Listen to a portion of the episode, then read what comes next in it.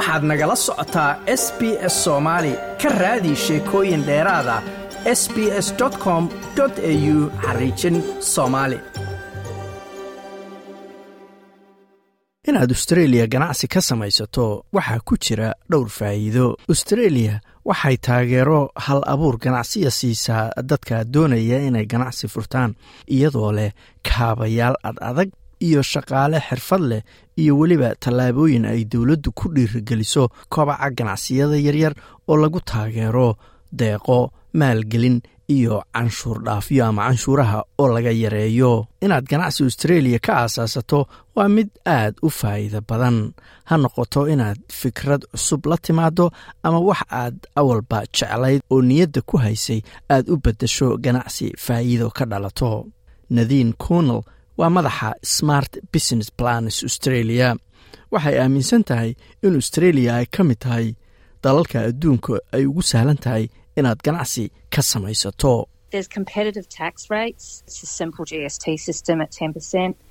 Waxay australia leedahay heer canshuur oo adduunka la tartami karaa waxaa ka jira nooca canshuurta g s t da la yidhaahdo oo sahlan oo toban boqolkiiba ah si sahlan ayaa lambarka ganacsiga ee a b n-ka la yidhaahdo loo helaa. Waxaa jira dhiiragelin badan oo dowladda bixiso oo deeqa lacageed ah. Waxaa australia oo dhan laga bixiyaa lacag gaaraysa toddobaatan bilyan oo dollar oo ganacsiyada cusub loogu deeqo. Waxaa jira shuruuc cadcad oo u oggolaanaysa qofka ganacsiga furanayo inuu hal abuur la yimaado. Cabdalla cabdalla waa falanqeeyo dhaqaale oo fadhigiisu yahay sydney wuxuu leeyahay australia waxay ku faani kartaa dhaqaale xasiloon. Our economy grows steadily except for small period of time during covid where we saw some dhaqaalaheennu si joogta ah ayuu u kobcaa marka laga reebo wakhtigii yaraa ee covid ku jiray markaas oo dhaqaaluhu hoosu dhacay. Hase yeeshee soddonkii sane ee u dambeeyey waxaannu aragnay dhaqaalaha oo tartiib tartiib u kobcaya ayuu yidhi master cabdalla ayaa intaa ku daray in sidoo kale australia ay leedahay hab sharciyeed ama nidaam sharciyeed oo aad ugu fiican ganacsatada.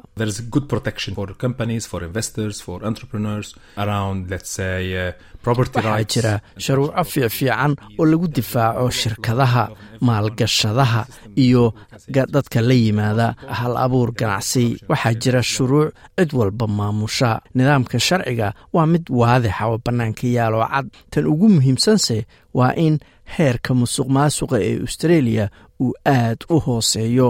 Ka hor inta aadan qorshe ganacsi gelin waxaa lagama maarmaan ah in la fahmo qaab dhismeedka ganacsiyada australia. Ganacsiyada waxaa loo furi karaa qaabab kala duwan. Tan koowaad soul trader oo ah ganacsi hal qof uu leeyahay sida magaca ka muuqata. Combany oo ah shirkad ama partnership oo ah wadaag dadka dhexeeya oo mid walba uu leeyahay waajibaad sharciyeed oo u gaara. Master cabdalla ayaa sheegaya in nooc kasta oo ganacsi uu leeyahay qaab gaara oo loo wado iyadoo hadba ku xiran waxa hamigaagu yahay.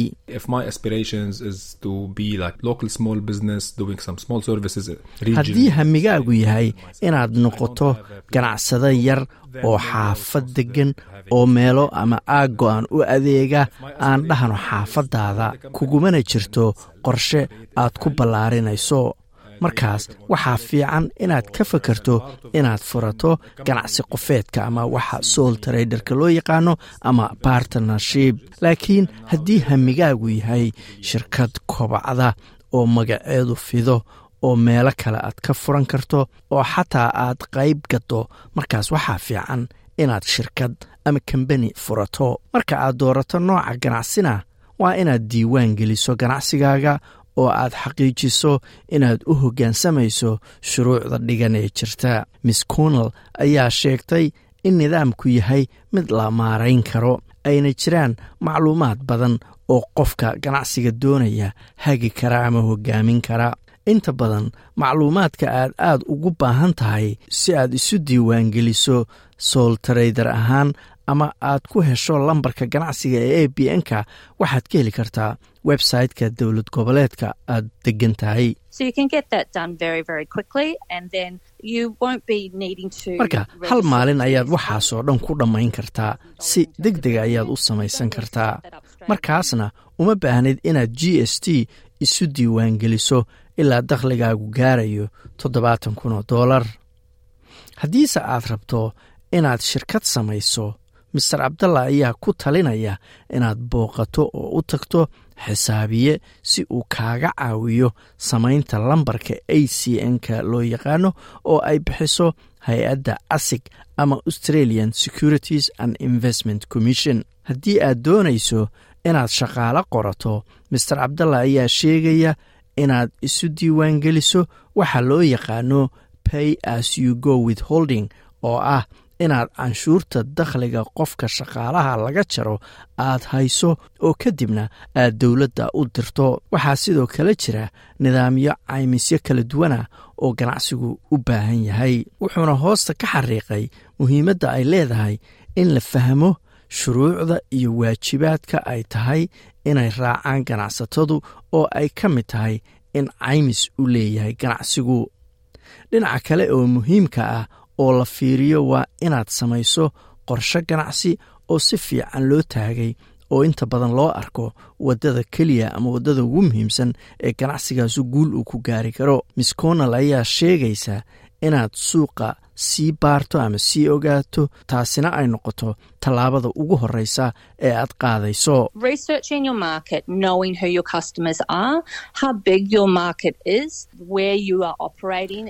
Waa inaad sii baarto suuqaaga oo aad ogaato cidda macaamiishaadu noqonayso intee la egyahay suuqa aad ka shaqaysanayso iyo meesha aad ku taallo? Yaa kula tartamaya maxaad gadaysaa? Qiimaheebaad ku gadaysaa? Badeecaddeebaad gadaysaa? Waxyaalahaasoo dhan waa waxyaalaha loo baahan yahay inaad sii ogaato. Haddii aad u baahan tahay taageero lacageed ama dhaqaale oo aad ku bilowda ganacsiga australia waxaa ka jira meelo aad la xiriiri karto. Miss conal ayaa dadka la wadaagaysa dariiqyo kala duwan oo dadka hal abuurka ganacsi leh ay maalgashi ku heli karaan. Waxaana ka mid a ayay tiri maalgashigaasu deeq dayn iyo weliba maalgashi gaara ama maalgashi qofeed.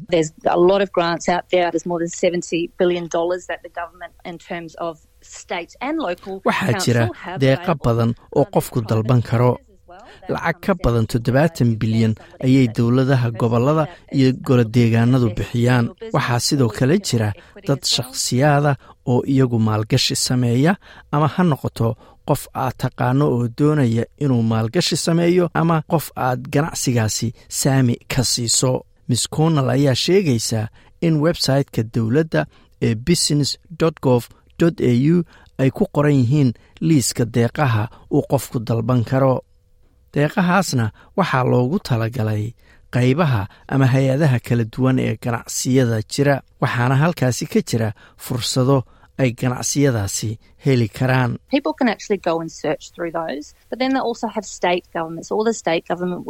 Sidoo kale dowlad goboleedyada ayaa bixiyo deeqo kala duwan oo websaytyadooda aad ka heli karto. Golaha deegaanka aad degan tahay ayaa sidoo kale bixiya deeqo ganacsigaaga aad ku abuuri karto. Tusaale ahaan services new south wales ayaa dadka doonaya inay ganacsi furtaan ku hagta safarka sida loo bilaabo ganacsi cusub. Cassandra gibbons oo ah madaxa xafiiska ganacsiga ee services new south wales ayaa sharaxaysa.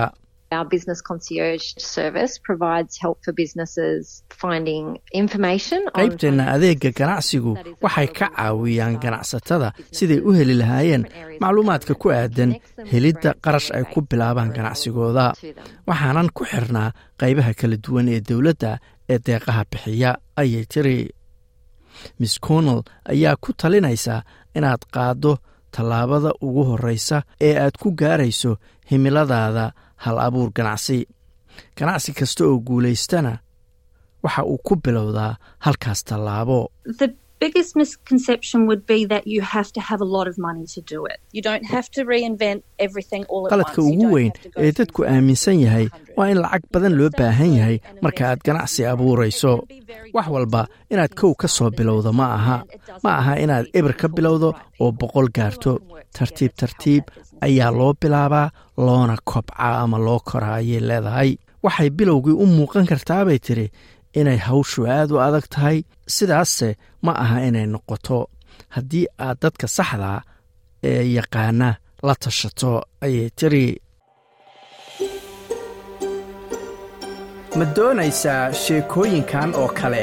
Ka dhegayso apple podcast google podcast spotify ama meel kasta oo aad podcastigaaga ka hesho